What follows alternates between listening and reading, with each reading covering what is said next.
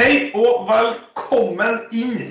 Løperekka er skikkelig på sommerstuk. Det er finvær i Trøndelag, og da er det ingen bedre å ha med meg til å gå igjennom åttendelsfinalene som er ferdigspilt, og kvartfinalene som ligger foran oss i EM enn trønderske godgutten Steinar Arnstad. Magnus Carlsen han spiller sjakk er opptatt med det, så da har vi subba inn en uh, sommerbrun barneskolelærer. Tusen takk for gode, gode, ord, Magnus. Det setter jeg pris på. Artig å være med og prate litt ball, altså. Det er det. Det er jo, det er jo artig. Eh, vi bruker nøyaktig null tid på tull og tøys i dag. Vi eh, går rett og slett rett til selve rosinen i pølsa. Det har vært spilt Altså en, eh, en åttendelsfinale her, Steinar, som har, har, holdt sånn et underholdningsnivå at jeg, jeg, jeg, vet, jeg, vet, nesten ikke hvor jeg skal starte. Nei, det har vært eh, fotball på sitt beste. Det mesterskapet her det holder på å utvikle seg til å bli en skikkelig klassiker. Også. Mm. Klassiker med positivt fortegn faktisk. Ja, meget positivt. Eh, fotballen har vært glimrende til tider. Mye offensiv fotball. Sammenlignet med EM, altså sist EM i 2016 var det veldig mye defensiv fotball. Utrolig kjedelig fotball fra Portugal som gikk hele veien og vant, f.eks. Masse lag som spiller offensivt. Masse artige kamper. Og så må vi nå nevne uh, linja som dommerne har lagt seg på, Magnus. Ja, Det har hjulpet så sykt. Fungert utrolig bra. Fotballen bare flyter. Mm. Fotballen flyter, målene blir skåret. Danmark de altså klaska eh, ned Wales i en 4-0-seier. Eh, Italia slår Østerrike 2-1. Tsjekkia med en eh, ja, overraskende 0-2 over Nederland, men der var det et rødt kort som uh, spilte, spilt en liten, spilt en liten saga. 1-0 Belgia, 3-5 Spania, 3-3 i Eh, Sveits og Frankrike 2-0 England og 1-2 Ukraina. Vi starter med den første, første par kampene. Wales-Danmark. altså Selve matchen det var jo bare, altså det var jo bare overkjøring. Eh, etter hvert som den kampen dro seg til. Og det jeg lurer mest på der, eh, med sånn som, det sånn som de kampene her shaker seg opp, hvor langt kan Danmark gå, tror du? Nei, altså Danmark har eh, levert. Har først og fremst sett bunnsolid ut defensivt. Var ekstremt uheldig som rykker på tap mot Finland. Den mm. kampen tror jeg de hadde vunnet 19 av 20 ganger, men vi vet jo det, var, det var plankekjøring. Det var det. Eh, laget er veldig bra. Og mm. jeg og du vi dømte jo Wales nord og ned når vi snakka gjennom eh, gruppe A før, mm. Før EM. De gikk jo, gikk jo, videre fra gruppa, noe overraskende, syns vi. De kom jo fullstendig til kort mot Danmark og var jo eh, både én og to og tre nummer for små der, altså. Eh, men danskene, defensiven med Kristiansen, Kjær og Westergård, det er solid, altså. Vil du si at det er det vi mangler i det norske landslaget? En stamme Ja, men altså, vi har jo spiller for spiller. Eh, hvis du bare dratt frem et papir og ikke visste hvor de her, hvordan land de var kommet fra, så har det vært sånn Steike! Her, eh, her er noen spillere med klubber og, og, og, spillere som bør fungere på et visst nivå, men det skorter jo på stopperne.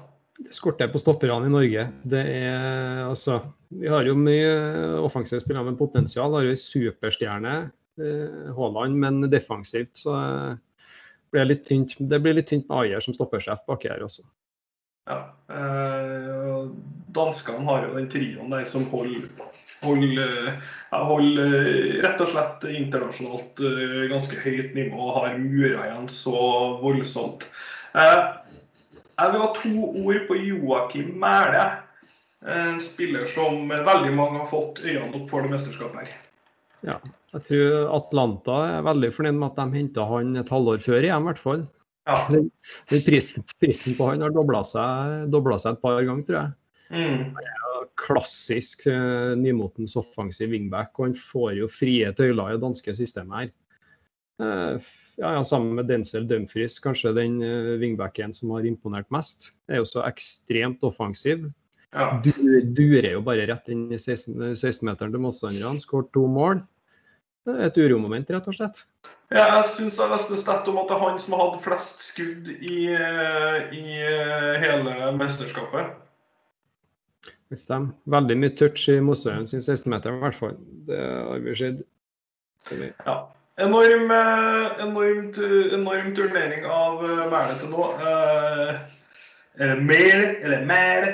Altså, vi kan ikke Vi kan ikke si Simon Kie på NRK, og så, og så bare følge opp med Andersen, Mæle, Paulsen Og så bare si resten av navnene på norsk, men Kie! Altså, det, det, går ikke. Nei, det blir, det blir tungt, altså. Det blir uh, vi, vi sier med norsk klang, vi, tror jeg, Basse. Ja, altså, Det bare er et sånn irritasjonsmoment for meg når jeg ser kampene. at det, det, føles ut som kroppen min tar en innvendig shot hver gang det blir en sånn Bruno Fernandes, og så bare kommer, kommer vi til ja! Nei, greit. Da fikk jeg, fikk jeg utløp uh, for den uh, også. Uh, Italia er jo for veldig mange en av favorittene nå. 2-1 over Østerrike. Så lenge shaky ut, så skrudde de virkelig på i ekstraomgangene. Og mannen som du snakka om før turneringa, Kiesa, så vel ut som ja, som du egentlig hadde håpa å forutse der. Ja, han har fått lite med spilletid, men så kom han inn der, da. Og redda egentlig Italia der når, de, når, det, når, det, så litt tungt ut. For kampen var jo overraskende jevn. Uh, Østerrikerne skapa mye trøbbel for Italia, forsvarte seg bra. De tok jo egentlig over kampen og kjørte den utover i andre omgang òg. Er det overraskende? For vi holder, altså Italia blir liksom holdt som det suverene laget. Italia, altså Østerrike er kanskje det beste laget de har møtt? Ja, de, de er nok det. Og kanskje forventa italienerne en litt, litt, enklere kamp etter at de cruisa gjennom gruppespillet. Men uh, Mancini uttalte jo etter, etter, kampen at det, det, var den kampen her mot Østerrike han kanskje frykta, frykta mest. da. Uh, vi så jo hvorfor. Italierne eh, så jo veldig komfortable ut med å gå mot ekstraomganger, utover sånn som kampen utvikla seg. De klarte jo ikke å spille spillet sitt i hele tatt og begynte jo å pumpe langt opp mot, opp mot Immobile. Og det vet vi at det ikke er spesielt effektivt. Eh, men Kesa, det, det, kan vi slå fast. Kesa, sånn som han har gjort for Juventus flere ganger denne sesongen, her også, han, eh, han står fram. Laget trenger et mål. Han er kald. Det, målet han skåret, var jo glitrende dempinga, én touch, og bare klinka han inn der. Iskald. Ja, han, har, han, har jo sånne matchvinnerferdigheter. Han har det. Han må, eh, han må starte mot Belgia, eller? Vi forventer at han starter. Berardi så jo ganske bortkommen ut i åttendelsfinalen der. Uh, gjorde han jo. Ser litt snodig ut, Berardi. Han er en bra spiller, men uh, spesielt steg på han. Snodig løpesett. Veldig snodig løpesett, faktisk. En, til en spiller av den, eh, altså, i, den størrelsen, ikke at et snodig løpesett nødvendigvis er en dødsdom, eh, men eh, ja.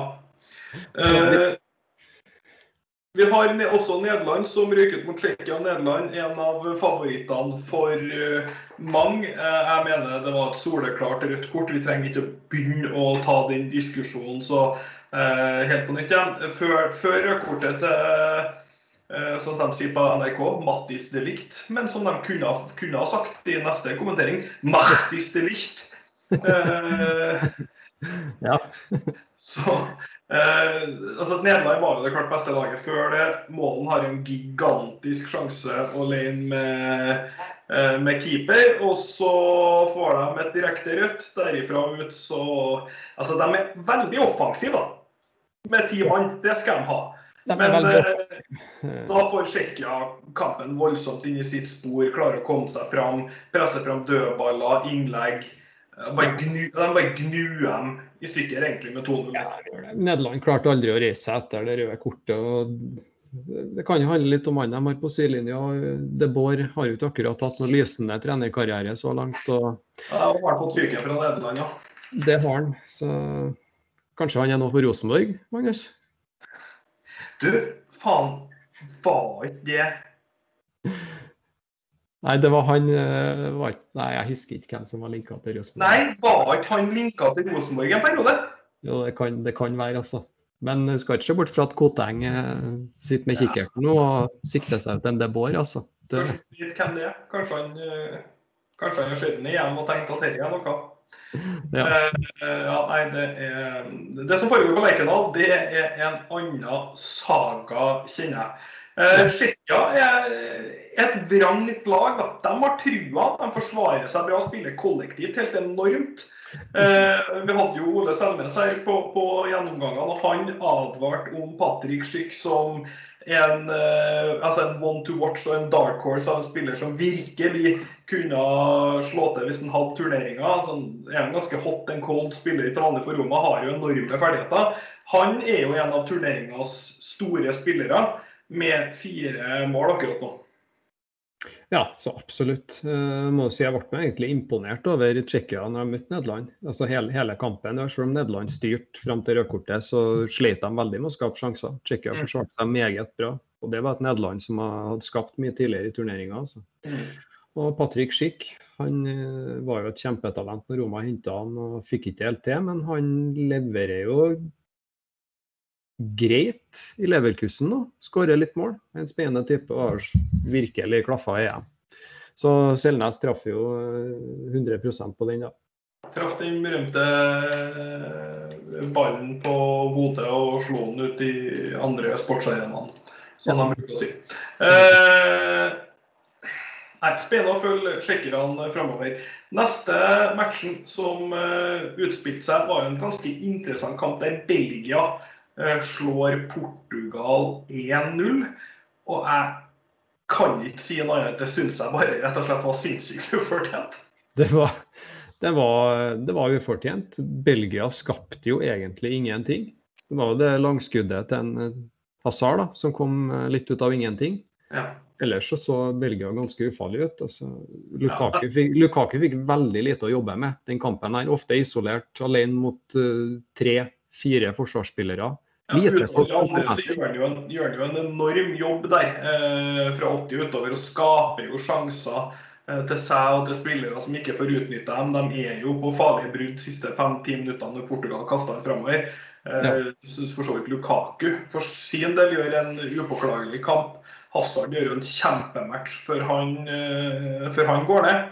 Men eh, herre min juledag, hvor, hvor kjørt de ble etter hvert som eh, Portugal begynte å gjøre bytter som, eh, som gjorde dem mer offensive, gjorde dem eh, farligere, fikk virkelig satt presset på Belgia.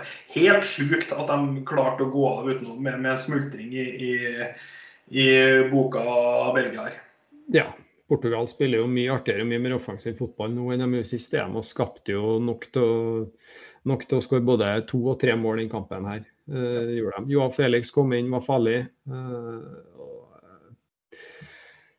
det var Gureiro som traff stolpen, var ikke det, med høyrefoten. Eh, det var, problemet til Portugal var vel at eh, rett mann ikke fikk muligheten. Ronaldo hadde, jo, hadde vel sannsynligvis satt en av sjansene her. Ja, vi fikk jo litt vintage Ronaldo òg, som, som jeg syns er litt artig å se på. Han bare han tar ballen og så er han ute på ving, og så Oi, dæven! Jeg husker han fyren der. Han som dribler. Ja, ja, Han plutselig er sjuk med kula. Han er det. Plutselig så dro, dro han opp litt uh, gode, gamle, gode gamle triks der, altså. Artig. Ja. Uh, en ting vi må nødt til å bli ferdig med, det er Ronaldo som skyter frispark. Ja, det er utrolig nok. Han, så er han en spiller Altså, Hvor lenge har vi sagt det? Nei, det har vi sagt lenge. Han, han var bare mye bedre til å skjøte frispark før, var ikke det? Altså, Han får dem jo stort sett ikke over muren. Altså, jeg føler, Der det, der det frisparket på slutten i i andre, der det treffer liksom i knæ-lårhøyde på forsvarsspilleren, i midt i muren Jeg føler han alltid treffer der. Ja, han gjør det. Det er det, er, det, det går bare lenger og lenger mellom gangene Ronaldo skårer på frispark. Eh, Merkelig at han insisterer på å ta dem òg, egentlig. Det, det er jo er merkelig at han får lov til slutt i et mesterskap, liksom. Ja, han er jo, han er jo fus i alt, da. Han, er, han er jo sjefen, men eh, det, er rart han tar dem sjøl, når det er andre som er bedre på frispark på banen. Ja, så voldsomt mye bedre. Nei, det der det må man bare bli ferdig med. Jeg blir, altså, jeg er ikke litt redd engang. Det er to ting på frispark vi må nødt til å bli ferdig med. Vi må nødt til å bli ferdig med at han tar frispark. Og så må vi nødt til å bli ferdig med sånn som Thomas Müller gjorde, altså to steg opp til ballen. Ja. Stiller jeg to steg fra ballen, så blir det et bra frispark fra 20 meter. Jeg har aldri sett en spiller skåret fra 20 meter med to steg til ballen. Aldri skjedd det. Nei, da skal du ha en ekstrem teknikk. Jeg kan ikke huske det heller. Som en kort keeper i mål, liksom. Jeg har aldri sett på toppnivå at det går. Nei. Nei, Det ble jo som forventa resultat av frisparket til Müller òg, da. Keepermat. Uh, vi går til en uh, heidundrende match som virka å være uh, klappa og klar i Kroatia mot Spania. Altså den, eh, den kvelden der er den villeste fotballkvelden i tidenes historie. Det, det bare er rett og slett. Eh, Aldri har fotball vært artigere enn eh, den dagen der med krøtta Spania og Frankrike-Sveits, som vi tar etterpå. Det, nei, fotball på sitt beste. Det jeg sliter med å beskrive hvor artig det var. Jeg starter jo med det helt absurde sjølmålet til Pedri. Altså, ja, det var, alt det er blitt gjennomgått på TV, så vi skal ikke henge oss mye opp i. Men det er et absurd sjølmål, og så svarer Spania, og de svarer så til de grader. Kampen er død og begravet. Kroatia virker rett og slett steindøv, energiløs og sjanseløs. Så skårer de et mål, får momentum, og så poff, sier det. Eh, nå skal jeg si at inn, Innhoppet til Orsic var jo eh, enormt for dem. Eh, Satt virkelig fart på dem på slutten. Eh, så, så klarer de altså å skåre på overtid til 3-3. og Jeg tror ikke jeg ser på om Marata bomma en million sjanser. altså det er bare, det er, han, er, han er den merkeligste fotballspilleren ever. For han har alle ferdigheter. Han har det. Han er en Han er god med fotene, han er relativt hurtig, han er sterk. Altså, han, han bare har alt. Og så Han- Ja. Si Nei, hva du skal si. Nei, jeg skulle bare si at du har helt rett. Og så har han den evnen til at han, han får så mye sjanser. Han er jo på rett plass til rett tid hele tida. Ja. Men han har en enorm evne til å være i offside. Det er mulig at det her er en optisk illusjon, men jeg føler at når det er offside, da setter han veldig mye oftere inn når de ikke er i offside. det er helt sant. Det er sånn på Juventus òg. Det, det skåres mye offside-mål, rett og slett. Han så setter dem. sier, så sier Svopp, da, på den minste av sjansene han har hatt nesten, i det hundrede minuttet, nedtak, halv volley, dask i nettaket, liksom smukk, smukk, altså sånn verdensklassegold at det er ikke sant engang. Ja, ja. men Klesker han inn, vet du. Han har jo sånne ekstreme ferdigheter. Hadde han vært en god avslutter, så hadde han jo vært en av verdens absolutt beste spisser. Um, han er vel den spilleren som hadde flest sjanser i EM. Det føler jeg meg rimelig sikker på. Jeg spørs om vi teller i offside eller ikke i, eh, i offside. Nei, han, er- han er altså Han er, han er, han er helt eh, en utrolig fascinerende spiller å, å se på. Eh, Da går lufta til kampen, og så er det en annen veldig fascinerende spiller der som jeg er utrolig svak for når han har sånne her kamper. Og så er jeg veldig lite svak for han når han spiller hjemme mot Getafe og egentlig bare blir litt sånn eh, Han blir bare sprunget over. altså te- klarer han å lure meg til at jeg tenker kanskje han er litt ferdig. Men fytti ballkatta hvor god Busquets var han kampen. Ja, han er en- er en klassespiller. Han er jo så smart at du finner jo ikke en, ikke en smartere spiller. Nei, og Det er jo et lag men en sånn, det er jo en sånn midtbane-ish kamp mot det her er trangt på midten, mye spillere. Eh, Spania prøver å bygge opp egentlig relativt hurtig, men ballbesettende. Og herregud hvor god han er når ballen skal innom han hele tida, for noen løsninger han finner. Ja, ja. Det, det ser så lett ut for han. Han flytter kula så, så enkelt og så rett. Det er fantastisk. En ting jeg må trekke frem etter kampen her om Spania, det er at uh, spanjolene har fått i gang en god del spillere nå, altså. Det er Dani Olmo ble bytta inn og levert to målgivende. Oyarzabal bytta inn, skåra. Morata skåra et viktig mål for Spania. Den trengte han etter å ha bomma mye. altså. Den trengte han. Ferran Torres kom skikkelig i gang kampen her, så eh, det er mange av guttene som er i gang. Er Spa- er Spania litt skummel? Jeg, jeg, jeg syns de er litt skumle. Altså. Jeg syns de, vi- de er virkelig litt skumle. Uh, men de skal jo opp mot dødaren uh, Sveits. For senere den kvelden altså Den, den 3-5-kampen der, det var en vill kamp. Det var det. Men den, den holder ingenting i forhold til Frankrike-Sveits. Vi trodde ikke at den 3-5-kampen skulle bli toppa, men det ble den. Ja, den ble toppa Altså, Frankrike-Sveits kommer jeg til å huske på at jeg bekker. En av de artigste fotballkampene jeg har sett i hele mitt liv. Ja, det, sånn For øyeblikket her og nå så klarte jeg å komme på en artig kamp. Kanskje hvis jeg får tenke litt, klarer jeg, men uh, sånn på sparket jeg klarer ikke. Som, er... som nøytral supporter, i hvert fall, altså, du har jo noe, sikkert man har noen artige opplevelser når laget sitt altså Liverpool tok igjen, tok igjen Barca, liksom. Den, den, er ganske absurd. Men, ja. men altså, som nøytral supporter og det engasjementet jeg hadde i løpet av den kampen, jeg, jeg, jeg er med på å miste det. Jeg holder rett og slett på å miste det. Det var så artig. Du kunne ikke se bort i 20 sekunder. Nei, det dramaet som utspilte seg helt fra Sveits fikk straffe der. Nei, det var nesten ferdigspilt på 2-0, liksom. Ja. Straffesituasjonen til Sveits den går videre. Dommeren dømmer ikke, og så blir angrep til Frankrike. og Det blir en straffesituasjon i feltet til Sveits. Jeg husker ikke om det var en Bappe som ble felt. Og så får Sveits straffen og bommer. Og da får de seg en psykisk knekk. De detter jo fullstendig sammen, Sveits. Ja, de, de blir så kjørt etter den bommen at det har nesten skjedd maken, faktisk. Altså, jeg tenkte, når Frankrike begynte å kjøre der, da tenkte jeg OK, nå ser franskmennene endelig ut som EM-vinnere her. Steike ta, nå kjører jeg. Ja, for la oss være ærlige, de har ikke sett fryktelig bra ut til nå. Nei, Drillo var jo 100% på ball når han snakka om slapt forsvarsspill i åpningskampen mot Tyskland. Ja. Eh, det har vært noe, noe litt sånn eh, tregt og halvveis over, over franskmennene.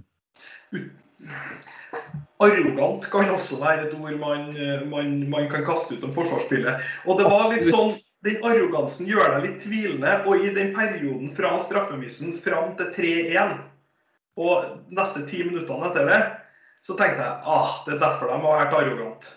Ja. De har det her innabords. Snakkes ja. i bakken. Dette vinner Frankrike. og Det er ikke noen lag som kan røre dem, tenker jeg. Ja. Og det, det, det, tror jeg det var mange som tenkte. Absolutt. Og det som skjer etter at en Pogba klinker inn den kula her, da stiller seg og danser, da, da er han i himmelen. vet du, Han står jo og danser lenge òg. Da er han videre, han. Det er jo altså det er en ren, ren renpiska terning seks.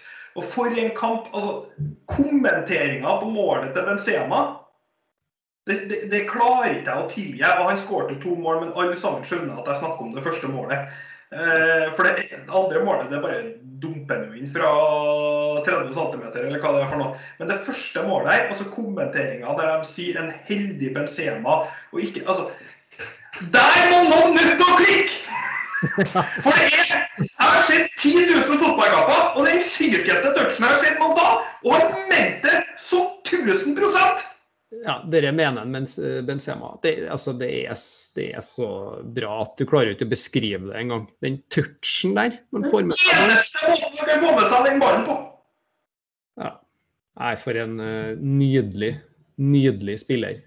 Uh, akkurat Jeg syns det er litt syre at han at, han, at eh, Benzaren rett og slett er ute. At han og Pogba ute, det syns jeg er blytungt. Jeg syns egentlig at det er litt artig at Frankrike ryker ut. For hvis du møter opp og spiller så utrolig slapt forsvar, så skal du bli straffa. Men og når mange av stjernene dine bare altså, typ Mbappe, Grismann, bare Rabiot bare ikke, ikke møter opp i hele tatt. Kim Pembe. Altså, de har rett og slett ikke møtt opp. De, Men Benzema har vært fantastisk. Benzema har vært glitrende. Uh, var litt usynlig i første kampen, men har jo vokst utover i mesterskapet. og var Steinbra siste gruppespillkampen. Steinbra mot Sveits. Og må trekke fram Pogba òg. Han har jo vært fantastisk for Frankrike så langt. Ja, han har to prestasjoner i kampen her som jeg bare venta på å få snakke om. Altså Skuddet er én ting, men den, den, den pasninga som spretter opp til Han legger den på rista med skru. Altså, du har null sekund til å tenke deg om. Han legger den ut til venstrevingen på sånn halv, halvslapp. Altså, det bare, det bare er Altså, Den tekniske gjennomføringa her, det er på så høyt nivå. Det er det 114. minuttet. Ja, og altså, Den pasninga der, så fort, og den er jo ferdigdempa. Hvem andre er det som får til dette? Det bor så mye fotball i Jeg elsker, elsker å se Pogba spille. Og så får, får, du Pogba på godt og vondt. Du får den ballmiksen før, eh, før, før Sveitsgålen. Du får langskudd fra 30 meter med innsida i krysset. Du får den pasninga her, og så får du en, den straffen hans i straffekonken som bare Wow! Ja. Nei, Det er det er en perfekte straffe. Det, er- det er en perfekt eh, straffe. Han limer den jo bare oppi vinkelen. Ja. Men eh, det føles jo litt sykt å sitte og hylle det franske laget, som selvfølgelig var det beste laget i kampen, men eh, kan rett og slett skylde på seg sjøl i elendig forsvarsspill at de ikke, ikke tar igjen den her. Eh, lar altså, De målene Sveits skårer, er relativt simple, de to siste. Det er grufullt forsvarsspill. Det er mangel på press på ballfører over hele banen. Det er mangel på returløp. Det er mangel på andre forsvarer. Det er mangel på å gå ut i situasjonen på rett tidspunkt. Altså, Det er nøyaktig alt Drillo snakka om i første kampen og ble slakta for. Å, så negativ! Nei, Drillo var Men kunne ikke ha vært med på ballen. Nei, arrogant forsvarsspill, og sveitserne grep muligheten eh, når de fikk den. Og ja, fikk jo et psykisk overtak der som de tok med seg inn i straffekonken. og Presset ble for stort på Mbappé. Eh, knekk, knekk foran der. Ja, men jeg er ganske så sikker på at han kommer tilbake. Og Det, gud bedre meg hvor han kommer til å komme tilbake. det gjør han. Eh, par andre ting fra den matchen. altså Det siste vi får i overtida, nei, det siste vi får på overtida i, i, i, i ordinær, er jo Koman som skyter den på undersida av nesten krysstverra. Altså 93-57. Ja, det er Bare, bare en helt fullstendig absurd, vill fotballkamp. Eh, Sissoko blir, blir bytta inn på 3-2 eh, for Griezmann med to minutter igjen i et forsøk på å trygge seieren. Han kunne han bare bytta ut med en gang eh, Sveits skåret, for han, altså, han var så elendig i overtida når de prøver å få mål. at det, altså, Han på høyreving når du skal prøve å kontre inn i kasse, snakkes. Ja, nei, det, han er, tilfører ingenting. Han er ferdig. Ferdig på nivå her, Sissoko. Ja, i hvert fall- i i sånne her type roller. Eh, vi, vi kunne jo hatt en lengre diskusjon om The Champs. Jeg syns jo alltid meg skriker jo at det her skal jo være Zidane som leder Le Bleu. Eh, Ja. Det er så rett i boka mi. Altså, Deschamps har jo nå vært i en finale, han har vunnet et VM, og likevel så syns jeg han er litt sånn eh. Jeg er ikke solgt. Jeg er helt enig. Han, har, han, sitter, han står jo, eller sitter på sidelinja her med den eh, arrogante min, mina si. Det, nei, ikke særlig begeistra for han. Få inn Zidane. Få får inn Zidane, og så bare det valget om å plutselig legge om til en femmeren bak, fordi han har, han har ikke med seg nok backer. Han skal velge 26 spillere, har ikke med seg nok backer til å stille ordentlig. Så altså, Det er ikke snakk om sinnssyke mengder skader, liksom. Så har man nødt til å spille med, med Rabiot på venstre back slash wingback. Skyve Lenglet inn i forsvaret. Lenglet som bare altså Med det stopperutvalget til Frankrike, så finner jeg helt absurd at han er med i stallen en gang. Ja, helt med. Eh, Koster han det første målet ene og alene med å bare rett og slett være dårlig? Men eh, det er de to, to guttene du nevner, også kollekt, kollektive forsvarsspillet var jo ikke bra. Spesielt etter at de gikk opp til treen, men eh, Lenglet og Rabiot var spesielt svake. Ja, eh, Vår gode venn Pavar hadde ikke akkurat eh, på jobb. eh. Men vi skal ikke bare slanke, slakte Frankrike. Vi må selvfølgelig hylle det sveitsiske laget, Granit Sjaka, som blir kasteball i media og i Arsenal eh, uke inn og uke ut av undertegnede og mange andre, var kaptein med stor K eller stor C. Ja. Og han var rett og slett helt enorm. Og det var også spilleren som så vidt får spille for Liverpool. Shakiri helt, helt rå. Ja, Seferovic så eh, viser seg jo som en liten måltyv på nivået her.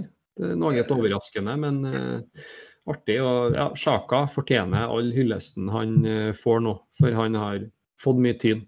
Ja, og den treeren bak da med Rodriguez, Akanji og Alvedi er tidvis veldig bra. Spesielt Akanji har en kjempematch og har, altså, har så mange ballstoppinger på Mbappe at det nesten er fascinerende. En Mbappe som rett og slett har levert en terning én turnering. eh, Og den gigantiske favoritten Frankrike er ut. Et stallsjokk, vil jeg rett og slett si. Ja. Stallsjokk er ordet. I hvert fall når du leder 3-1 med Da har du fått bra odds på Sveits videre. Altså Frankrike 3-1 83. Da har du fått gode odds på, på Sveits videre. Ja, meget. Nei, men det, det er derfor vi elsker fotball. Sånne ting kan skje. Helt altså, fantastisk. Du vet at en kamp er bra når jeg sitter ganske tungt investert på Frankrike 0,75 pregame og har lasta ganske greit på Frankrike, går videre til 1,90 når de lå under 1-0, eller hva det var. Og jeg, jeg, jeg, kom ikke på det før flere timer etterpå at jeg hadde spilt bare. Nei, det, det, det går i glemmeboka, vet du, når det, når det blir så ville scener. Eh, vi går videre til neste kamp. Det er England som slår ut uh, Tyskland. Eh, jeg med flere slakter jo det engelske laget med Saka på ving. Jeg syns det er Og så får jeg litt sånn Ja, også Nå driter jeg, nå driter jeg. For det første, hvis du skal melde noe, så skal du melde det før kampen spilles, og ikke etter. Det verste jeg vet, er folk som kommer og melder på Hvis du, hvis du har torsa ha en mening før en kamp, så kommer det noen som alltid kommer etter kampen og spilt, hvis du har tatt feil, og begynner å skal melde på Da bare skjerp dere. Hva skjedde i barndommen din for at du blir en sånn person? Hvilke foreldre har du når du blir en sånn fyr? Nei, det er kjipt når man skal finne, finne glede i, i, sånne ting. Ja, da får man melde, melde på forhånd og stå for det, rett og slett. Ja. Og jeg melder at jeg syns det engelske laget er drittrist. Jeg hater måten de spiller fotball på. Det tar nuven av meg. Første gangen var brukbar, og så andre gangen var bare rett og slett kjedelig. Ja, det, det, det er jo kjipt at England spiller så defensiv fotball med, når de har så mye gode offensive spillere. Hvor flesteparten av dem ikke får spille. Eh, men samtidig det, De gikk jo videre, så Southgate lyktes jo med taktikken. Men jeg tror jo de kunne ha gått videre med å spille en mer offensiv fotball òg, da. Ja, det tror jeg òg. Og så sier vi sånn gått videre og overskrifter i hu og hei. Tyskland var et ørlite knepp bedre, eller? Ja, det var en, var en jevn kamp. Jeg så jo bare andre gangen i den kampen der, jeg. Stemmer, du kom til meg og så kampen, så dette vet jeg jo egentlig. Eh, nei, altså Tyskland var det beste laget i første omgangen eh, med, med, litt margin. Og så var de jo fram til England sett 2-0, så var det relativt jevnt. Eh, England skåret Müller hadde en gigantisk Eh, sjanse som jeg tror går ut pga. en gresstust, og det vet jeg at eh, andre løpereklammedlem Magnus Karlsen også mener, for vi har snakka om det, og han, han melder også gresstust der. Eh, det kan ha, vært, kan ha vært Den fikk en solid sprett der. Uh, ja, den fikk en litt rar sprett. Skutt fort ut venstre. Trodde den var på vei inn, altså den, den kula der. Hver gang jeg ser reprisen, så tror jeg den er på vei inn. Eh, det betyr at Jøgi Løv Hvis noen, hvis én person til nevner buser, fingre og hender og ansikt på han nå Det er vi ferdig med nå. Det er, Nei, tydeligvis ikke Altså, det, det, det, føler jeg vi var ferdig med for lenge siden. Flere år siden. Jeg kjeder meg sånn når folk begynner med det. at jeg, jeg Seriøst, jeg får akutt narkolepsi. Faen. Ja. Finn på noe artigere. Ja, det var, en, det var, en, nyhet, det var en greie. Men nå, nå, nå, nå er det bare greit. Nå får han bare klø seg litt i nesen og sånt. Det, det, er ingen som bryr seg lenger nå. Hvis jeg ser ei sånn Han må grave etter gull en annen plass overskritt. Nei, jeg orker ikke. En stor trener for uh, Tyskland som prøvde seg på et generasjonsskifte uh, under sist VM. Det gikk ræva. Gikk litt tilbake igjen til Müller og noen av, av guttene nå. gikk vel kanskje det gikk jo Fotball er marginer. Går de videre mot England, det er noe de fint kan gjøre. De er uheldige trekker bortekamp på Wembley eh, første gangen. Det er noe særlig med tilskuere her. Det er jo ikke en bra environment, men de starter jo som underdogs på oddsen. I løpet av en halvtime så er de ganske greie favoritter. Eh, så fotball er marginene. De kunne fint ha gått videre her, og da har det jo en kvartfinale mot, uh, mot Ukraina, så har det plutselig vært en, en, en kjempehistorie. Ja, ikke sant. Det, det, er det som skjer her. og Løv har jo gjort en fantastisk jobb med det tyske landslaget. og Fikk, fikk jo et, et VM-gull. Som du sier, ble det litt tungt på slutten, men uh, tyskerne kommer til å slå hardt tilbake. Tror, allerede neste, neste sluttspill tror jeg vi skal se litt opp for dem også. Ja, altså, øh, han godeste øh, Flik, Flikkeren, han du tenker på som kommer inn? Nei, Jeg tenkte egentlig ikke på Flikk, men øh, jeg tenkte på Tony Kroos han sa at han var på landslaget i dag. Det er for så vidt greit. Jeg syns han har slitt ganske sluttkjørt ut på landslaget nå under den Han ikke hadde et veldig bra mesterskap. Eh, så har du liksom det naturlige at kanskje Mülleren eh, gir seg. Eh, er vel ferdig, og Hummels er ferdig. Men utenom det så folk er på å snakke om et eldrende tysk lag. Det er tre-fire spillere som er ferdig. Og så har du jo en kjempealder og en kjempegenerasjon ja. uh, det, er, det er gutter som er klart til å steppe inn på alle, de, alle posisjonene der. Ja, det. Ja, det, er er fantastisk snittalder. Det er spillere med erfaring fra absolutt øverste nivå på, eh, på alle bauger og kanter. Havertz visste jo i VM altså det, det bo, nei, igjen at det bor så mye han. Han er altså så bra fotballspiller. Eh, Gnabry, Sane, Werner. Moisala har de jo de neste 10-15 årene for en liten magiker. Han kommer til å vise seg bli Goretzka, Goretzka, Kimmich 25. Eh, altså det Laget er enormt for framtida. Det er det. det er, og veldig bra med flikk inn nå, tror jeg. Jørgen Løv har vært der lenge. og Det virker som de har gått litt tom for ideer, selv om de kunne ha gått videre. Vi så jo at tyskerne slet jo kolossalt. Eh, den siste del av kampen mot England, når de skulle prøve å, prøve prøve å skape noe. Det ble jo mye, mye tunge baller inn i boks som Maguire egentlig bare ja, bare, bare nikka ut gang etter gang. Så ja, det, blir, det er greit med et skifte der, selv om uh, Løv har gjort en utrolig jobb. Siste kampen, vi kan gå mer inn på England når vi ser på neste match. Siste kampen det var Sverige mot Ukraina. Det var Forsberg i superslag med var det to eller tre i stolpen i tillegg til det skåret? Hadde en i stanga og en i, en i stolpen og en, i tverrliggeren, ja. Det er riktig. Uh, for en fantastisk spiller han har vært i mesterskapet her. Ja, vært en helt fantastisk spiller. Har jo vært uh, ganske out of favor til tider i, Leipzig. Men uh, snakk om å gjøre det motsatte av det de norske spillerne gjør i, i sånne sammenhenger. Her har det vært eh, rett og slett å step up to the freaking plate og slå ballen rett inn. Eh, ja. en, han, har vært, han, har vært, enorm på, på alle måter. Svenske laget er jo ganske middels. Uh, utenom rødkortet så har de kanskje tatt seg videre. Ja, det var jo egentlig helt jevnt, uh, vil jeg si, den kampen der. Kunne ha bikka begge veier. Rødkortet ble jo ble jo avgjørende. Svenskene havna, havna på hælene etter det. Ja. de. Ja, kampen var jo bare møggel etter det, og det var bare frispark, og så plutselig dukka han opp og skåret. Ja. Det, var, det var aldri skjedd så mye skade den kampen. Eh, Nei, altså, men, men, begge ekstraomgangene ble jo spist opp av at folk lå ned. Det var også kjedelig å se på at eh, ja, holdt jo på å krepert. Var en artig kamp fram til da. Eh, svenskene har overraska og har de må gjøre et generasjonsskifte, men de har et par artige spillere å ta med seg.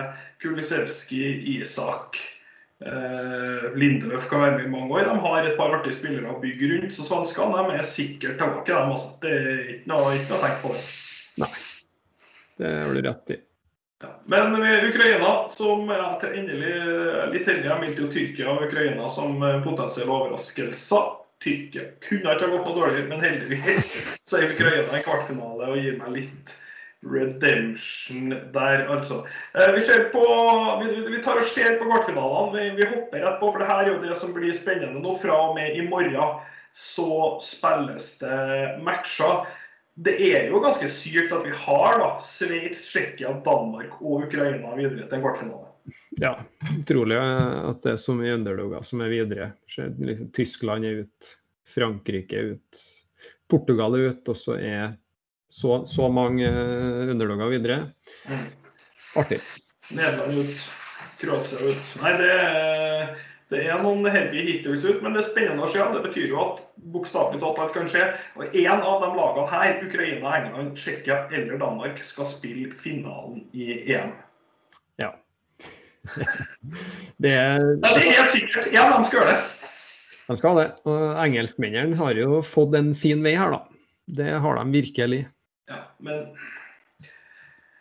OK, vi starter med eh, Belgia mot eh, Italia. Der har vi da altså et italiensk lag som av mange, som jeg sa i sted, hele som den store turneringsfavoritten har skjedd eh, outstanding ut i gruppespillet. Litt slike mot Østerrike, men eh, kom seg videre. Møter et belgisk lag som i skrivende stund, etter det jeg klarer å finne ut, stiller uten Hazard og De Bruyne i morgen. Ja.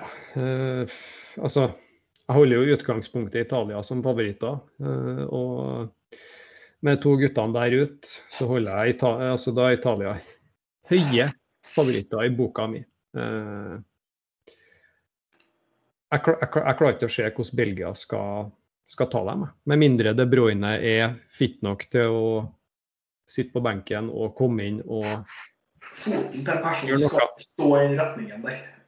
Den skal ikke det. Men det synes jeg er utrolig synd på De Bruyne. da, røyker ut i CL-finalen, og så ryker han ut her eh, i sin beste alder. Eh, Men så, sånn er det nå. Jeg holder Italia som høye favoritter, rett og slett. De, eh, de har sett glitrende ut, og så er det gjerne sånn i løpet av turneringa, turneringa at man, man har en dårlig kamp. og Og få han å prøve på. Jeg føler litt, føler, føler litt at uh, italienerne hadde den dårlige kampen mot Østerrike, og at de er oppe og nikker igjen uh, til de møter Belgia. Jeg tror de kommer til å være bunnsolide og uh, ta kontroll på den kampen der og være det førende laget og ta, vinne kampen. Også på Italia 2,40 Italia videre i en 65. Ja. Det er vel, ja, det er vel sånn at vi nesten kan, eh, kan vurdere det. Uh, For øvrig en shout-out til Hazard før han gikk av. Ja, altså det, Han kan jo ikke holde en hel fotballkamp på det nivået her, men det var litt vintage Hazard plutselig. For en spiller. Ja, fantastisk. Han var fram og leka med kula og utfordra litt igjen. Men men jeg tenkte før han gikk av med skade Hazard må nå dyttes av snart. Han holder jo ikke 90 minutter. Så det var sjansespill av Martinez der også, som straffa seg. straffa seg veldig Jeg er enig med deg. at altså, Jeg syns forskjellen på Belgia Med en gang De Bruyne gikk ut uh, mot Portugal, så snur jo hele kampen. Og er, sånn er det. Kanskje verdens beste spiller går av banen. Det kommer til å koste motoren i laget. Eh, Han som eh, er er servitør til absolutt alt. Eh, Det gjør ikke Lukaku til en dårligere fotballspiller isolert, men det er mindre jobbe med, det er færre sjanser, det er mindre punch. og det er Du slipper motstanderne mer i kampen, og da får du se svakhetene til det belgiske laget, som er den bakre treeren er ikke all verdens, og så har de en kjempegod keeper. Alt kan skje, men jeg er enig. Eh, Italia for meg, favoritter. Forventer, som du sa, en Kesa fra start. Skur, skurfreserne på midten her. Det blir en skikkelig kamp på midten. da mellom det belgiske og, og, og, det, og det italienske laget. Men Belgia må på en måte gå ut og forsvare seg. De, de Jeg tror det blir tøft. det. It- Italian, eh, altså Midtbanen til Italia den er jo kruttsterk. og altså, Man bare trekke fram Jorginho. Han er en, han er en undervurdert spiller. Eh, vært helt fullstendig feilfri i EM. Eh, hjertet i laget styrer spillet. Italia kommer til å dominere, dominere midtbanen eh, ganske kraftig mot Belgia her. Eh, jeg tror kanskje Jorginho er en kandidat til å bli mesterskapets spiller. Eh, For deg. Ja, for meg. Ja, nei, altså, en, han kan være en av dem som har vært beste nå, det kan jeg være helt helt enig i. Det tenkte jeg egentlig vi skulle dippe innom på slutten. eh, Ja. Hvem som har vært den beste spilleren til nå. Men det er jeg helt, helt enig i. Jeg tror ikke han er en spiller som får den eh, av, eh, av voters og av, eh, av media, eller hvem som gir det. Han er ikke akkurat den som stikker seg ut, men steike ta. Han eh, sitter i Han sitter midt i motorrommet og får det laget til å tikke og gå. altså. Det er helt rått. Ja. Ja. Vi ser på Sveits, som etter den sinnssyke kampen mot Frankrike skal spille mot Spania. Eh, 1,67 leser oddsen på Spania. Alt inni meg sier dette tar Spania. Greit. Men det gjorde det også med Frankrike, eh, som gikk på en klappen. Nå er det spanske laget her mye mer ærgjerrig og på enn det, enn det franske laget. Kanskje ikke det samme talentnivået på mye. Det vet vi jo siden den beste stopperen i Spania ble bokstavelig talt gitt bort av Frankrike da han var nummer tolv i køa for en stoppeplass. Eh, men eh, det betyr ikke at Laporte ikke er en fryktelig god stopper jeg tror jeg, jeg, liker veldig godt det Spania har gjort det nå. Jeg liker hvordan de ser ut på vingene, jeg liker bevegelsen i midten. Jeg elsker den rollen Pedri tar med ballen framover, frihetene han får, hvor bra han ser ut. Ja. Eh, jeg, jeg, tror Spania blir et godt ifra seg. De, eh, alt ligger jo til rette for at de skal gjøre det. og Enig med deg angående Pedri. Han har fått veldig mye ansvar av Henrike, og har jo virkelig vist seg ansvaret verdig òg. Ser ut som en glitrende spiller. Ofte, er sånn type tredje eller fjerde sist på ballen når Spania skårer mål. Er så viktig for spillet deres. Eh, og som vi snakka litt om i stad, span spanjolene har fått i gang mange offensive spillere nå også. Eh, Sveits, kanskje er de litt kjørt etter den ekstreme eh, påkjenninga eh, mot Frankrike. Der måtte de ta ut alt, altså. Den kampen der. Så jeg holder jo Det er klart at det vil jo være en veldig stor overraskelse hvis Sveits skal klare å stå, stå ut enda en, enda en toppnasjon. Ja, eh, det vil være en, eh, vil være en eh, ganske vanvittig overraskelse. Helt, helt ærlig. Men det, ja, oddsen tilsier at det er like sykt å slå ut Sveits som Frankrike, nei, Spania som Frankrike, men jeg, jeg syns Frankrike virka enda drøyere for meg, i hvert fall. Tsjekkia skal møte drengene fra Danmark. Og Danmark er, som de var mot Wales, ganske tunge favoritter på oddsen. Det er 2-15 på dansk seier. Det er en match jeg tror blir jevnere enn oddsen tilsier. Ja, jeg er for, så vidt enig. Tsjekkerne imponerte mot Nederland. Altså. De mm. stengte av bra og sto meget bra. Ja, og danske laget er jo ikke i utgangspunktet et lag som stormer vilt i angrep mot et lag som ligger balanse over. Nei. Det her kan bli en uh, litt sånn uh, rolig, rolig, kamp. Ta, mm. ta og føle litt på. To lag som er litt forsiktige. Jeg tror i hvert fall Tsjekkia kommer til å være forsiktig. Uh, danskene, danskene tar litt uh, styringa i kampen og prøver å få til noe, men vil nok holde igjen litt, dem òg. Det kan, kan, bli en rolig kamp der et, et øyeblikk avgjør. Men jeg òg er litt på den at her er, her er jevnt, altså. Føler at det er jevnt. Ja, jeg er, jeg er fryktelig, fryktelig enig. Uff, det her tror jeg kan bli tatt. Her er jeg på coinflip hvem som går videre. Eh, det betyr jo kanskje at jeg bør legge et eller på, på Tsjekkia. Men der er jeg helt på coinflip om det er Tsjekkia eller Danmark som uh, tar seg videre. Uh, ingenting ville overraska meg, men uh, her 1,55 på Danmark og videre 2,40 på, på Tsjekkia. Det er i hvert fall ikke spilt på Danmark til 1,55, eh, det jeg kan si. Nei, er... eh, så den matchen med den tyngste favoritten, og den tyngste favoritten som sikkert har skapt minst sjanser i hele mesterskapet, snakker selvfølgelig om England. De har hatt en Man kan strekke hånda i været og si Stirling har vært outstanding. Eh, sammen med Pickford, den virkelig store spilleren til England. Shaw har også vært veldig god. Ja, det er et England som har skapt veldig lite, og Stirling har jo dukka opp og avgjort kampene. Han har mm. vært klinisk eh, for England, noe han ikke pleier å være for City. Um, nei, må hylle, hylle Støling litt der. Det var jo også veldig mange som mente at han ikke burde starte for det engelske landslaget før EM, noe, noe jeg kan forstå. Men uh, han viste seg virkelig plassen verdig. Da. Ja, I hvert fall når de skal spille på den måten her, så er det jo selvfølgelig må du jo ha noen som stikk, noen som uh, skaper ubalanse. Jeg, uh, altså, jeg er så mot å starte saka når du har Se på kampen sist, da. Saka spiller en, en, han spiller en klink treer på terningen. Han gjør ikke noe mye bra, han gjør ikke noe mye dårlig. Men altså, han, han jobber greit defensivt å være ving. Han er i noen posisjoner. Men han Se når Grealish kommer inn. Ja. Nei, altså, da begynner jo ting å skje for England. Det er jo, det er jo livsfarlig hver gang han får ballen. Han er så jævlig talentfull. Han er så god med ballen, han er så kraftfull, han har så lavt tyngdepunkt.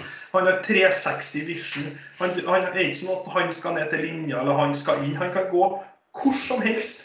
Enorm spiller i kombinasjonsspillet. Dødelig innleggsfot. Kan skyte. Kan gå til begge sider. Jeg, jeg, jeg syns han er han er så frekk, han er så balansert, så jævlig sterk. Jeg syns han er så sinnssykt god. Ja, han er helt glitrende. Han var, han var helt avgjørende mot Tyskland. Han var vel tredje sist på 1-0 og nest sist, nest sist på 2-0. Og han er jo, til tross for at han bare har spilt sånn 100 minutter eller noe sånt EM, så han er jo en spilleren som har eh, ja, altså kanskje vært best offensivt for England, med unntak av Støling. Han drar, altså I tillegg til alt det du sa, men så drar han jo mye frispark. Får jo mye frispark. Nærteknikken er sinnssykt. Ballen ligger limt, han kan snu seg til alle retninger. Enormt god til å få rumpa til han blir feilt mye. Det er veldig frustrerende å spille mot en spiller som er så slepen og så sterk samtidig. Ja. Nei, det er artig. Faen, fa, for noen legger han der. Hvis folk ikke har merket merke til det, se på leggene på den. Det er sånn krafthus at det er helt vilt. Jeg blir like fascinert hver gang jeg ser dem, med leggene der. Og så kom jo Kane i gang òg. Den var viktig. Altså, vi vet jo ikke om han har kommet i gang. Han fikk et mål. Han har foreløpig spilt søppel. Eh, så får vi se om han kan dra noe mer ut av det målet.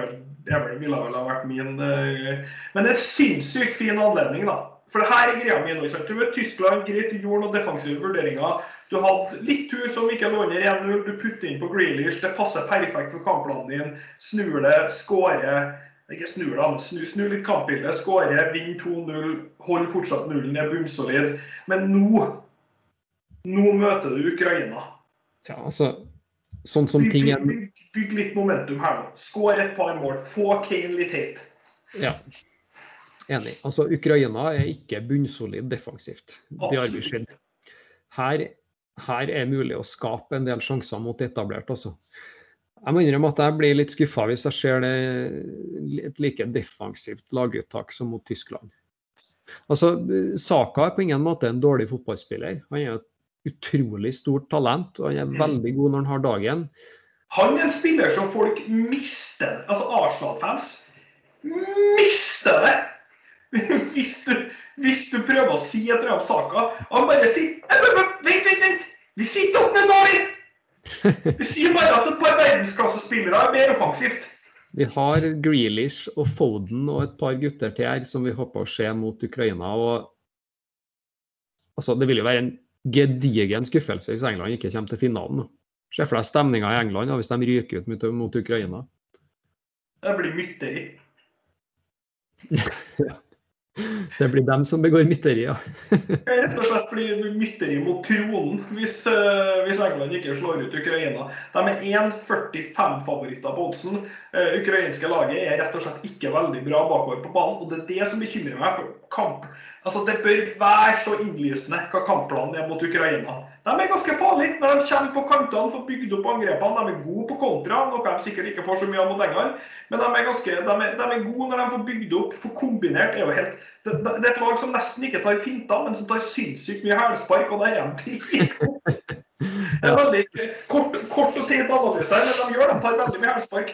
Men altså, de er gode når de bygger opp doble på, på kantene. Eh, Jørmalenko har jo sett uh, all the world ut til tider på høyresida.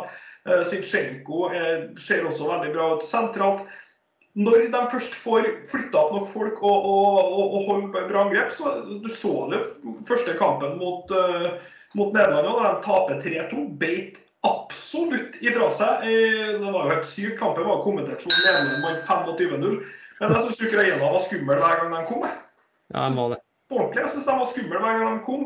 Slår de Nord-Makedonia, så er det en jevn kamp. De taper 1-0 mot Østerrike, og så slår de Sverige i grindekampen. Selvfølgelig skal England være klassefavoritter, men du må ut og ta kampen der, altså.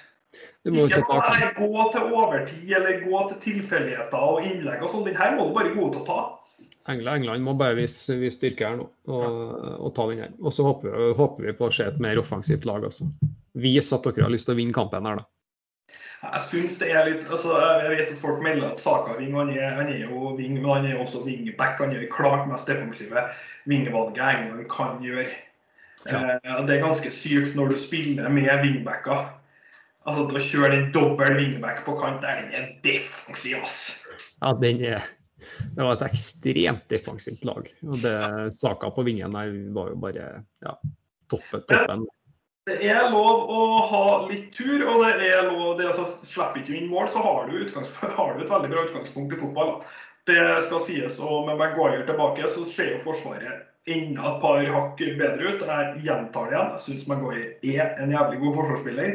At United spiller forsvar på en måte som, har spilt veldig mye forsvar uten dekning foran dem på midtbanen, som gjør at han og Lindelöf blir utrolig mye utfordra på fart og langs bakken. Det er ikke hans feil. Han er en forsvarsspiller, og når de ligger litt tight og har ordentlig en sunn distanse med cover foran seg, så er han tett opp mot verdensklasse. Jeg syns det er Stenbo et monster i boksen. Det er han. Eh, så har vi mot Tyskland òg. Så lenge man spiller på styrkene hans, så er han en glitrende forsvarsspiller, rett og slett. Vi begynner å nærme oss uh, timen. Vi skal avslutte med det jeg sa i sted. Jeg syns vi skal uh, prøve å kåre til nå uh, de, de, fem beste spillerne som stikker seg fra deg. Uh, fem beste spillerne igjen til nå, ja. Det For det som er litt interessant, hvis du går, hvis man ser på altså, Hvis vi bare kjapt ser på toppskårerkampen igjen, så er altså, Ronaldo, Forsberg, Benzema, Lewandowski Eh, altså, det er én mann igjen med fire mål. Det er Patrick Schick. Forsberg, Benz og Ronaldo på fire og fem er ut. Levan på tre ut. Så er det Seferovic, Vinaldo ut. Stirling, Lukaku, Dolberg og Hazard. Og Da er vi nede på to mål plutselig. Ja. Eh, så fra tre mål oppover så er det kun Stirling, Lukaku, Seferovic og Patrick Schick som er igjen. Det, det er vidåpent. Ja, det er vidåpent. Altså, kan jo se på en situasjon der det er Ronaldo faktisk som ender opp som toppskårer ja, med, med, sine fem mål. Eh, Schick, eh, Patrick Schick, ja, tsjekkerne kan jo har en brukbar, eller en bra sjanse til å gå videre. da, Kan jo skåre mm. flere, han. Jeg tror jo i utgangspunktet at Belgia ryker, da, så jeg sliter jo med å se at Lukaku skal ta igjen, ta igjen Ronaldo. Svein Seferovic med tre mål blir tungt. Støling, da? Har nå tre. kan skåre et par til. De kan gå alle veien. Nei, det er, det, er, det er, litt spesiell eh, situasjon allerede etter en åttendelsfinale, rett og, rett og slett.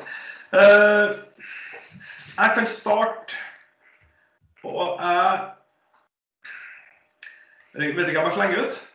Jeg må, må jeg bare, bare dobbelt, uh, dobbeltsjekke navnet, her, sånn at jeg ikke, ikke driter meg helt, uh, helt uh, loddrett ut. Vaslik, keeperen til, keeperen til Tsjekkia, har jeg faen meg vært så god! ja, det... Jeg starter der, Vaslik har jo vært helt sinnssyk. Helt sinnssyk. Den har en, altså slipper ikke inn mot, mot deler av kampen. Han har én ved én mot, mot Malen der. Helt latterlig redning. Vært, det har vært mange keepere som har vært ekstremt bra, men han har vært helt tullete, syns jeg. Ja, det har vært eh, glitrende og en nøkkel for Tsjekkia. Artig at du dro på han, faktisk. Der ble jeg tatt på senga. Det har ikke vært snakka så mye om han. Nei, det, det, det har plaga meg at det ikke har vært snakka om ham. Jeg meg han, og så har ikke nevnt han til nå. Eh, det er selvfølgelig tett når vi skal komme med fem uoffisielle spillere, men jeg, jeg klinker på med keeperen til Tsjekkia på, ja. på 1-5.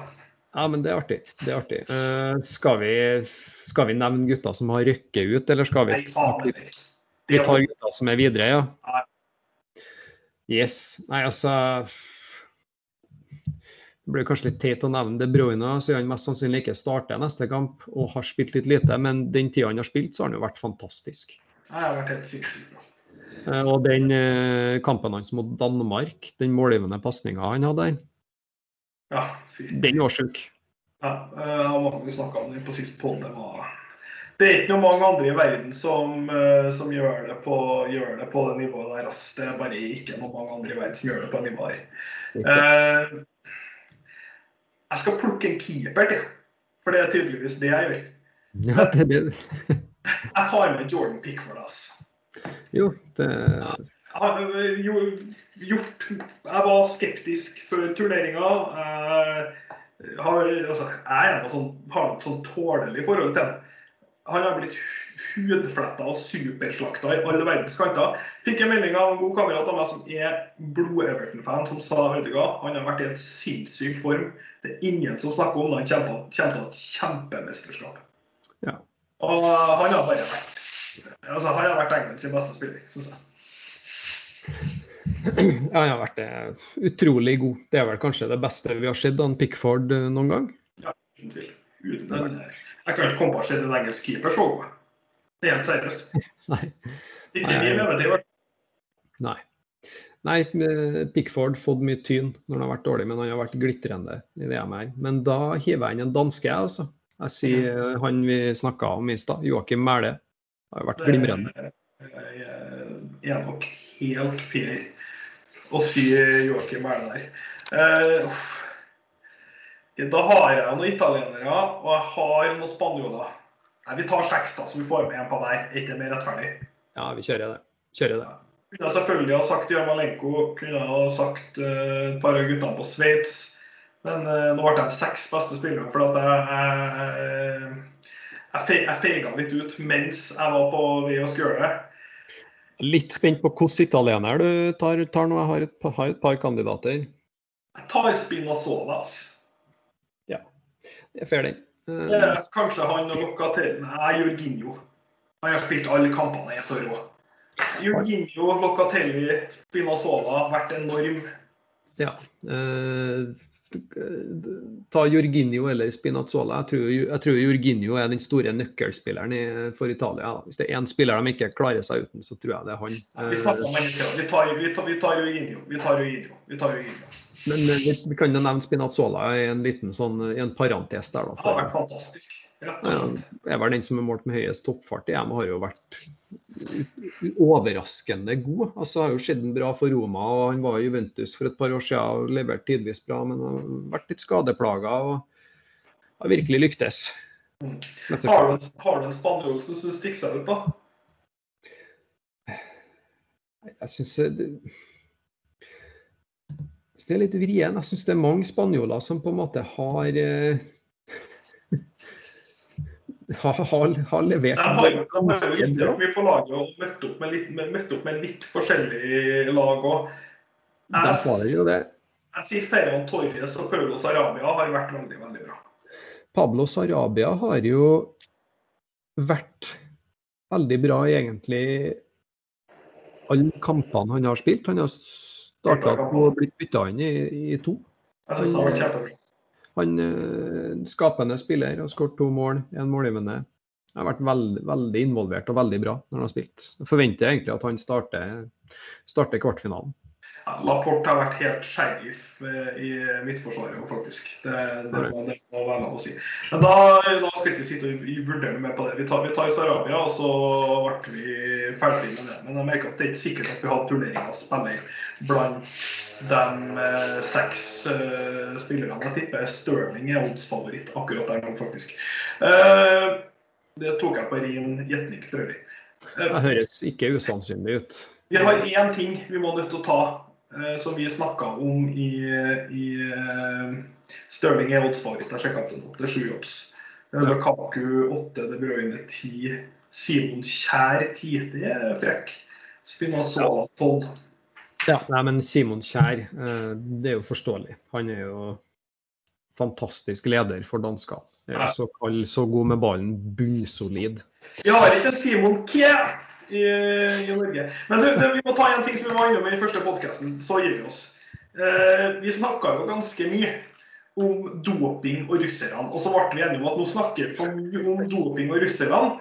eh, når vi hadde gjennomgangen av gruppe B. Eh, så vi slutta å snakke om doping og russerne. Eh, men nå så sa vi vi skal bare vente og se. Jeg vet ikke med deg, men jeg har, jeg jeg har sett alle kampene til Russland. Jeg føler meg relativt komfortabel med å si at russerne var dopa under sist VM. Jeg lurer på om vi fikk svaret, ja, Magnus. Det, det, var, det var en annen gjeng med russere vi så i det mesterskapet her. De sprang litt mindre. Var litt, Mindre! var litt mer stillestående den gangen her. Det var 19 år som de stillestående, slo langt og bare egentlig så ut som et møkkalag.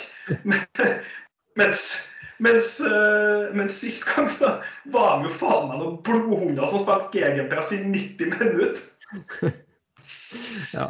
Ja, Uh, jeg liker at vi kan følge opp sånne ting uh, og konkludere med at russerne var dopa sist gang. Det, det var de. Svaret, svaret har dere fått. Ja, svaret har på. fått. da tror jeg vi takker for oss. Vi har passert timen. Det er artig å prate litt fotball. Håper folk hører på det. Og så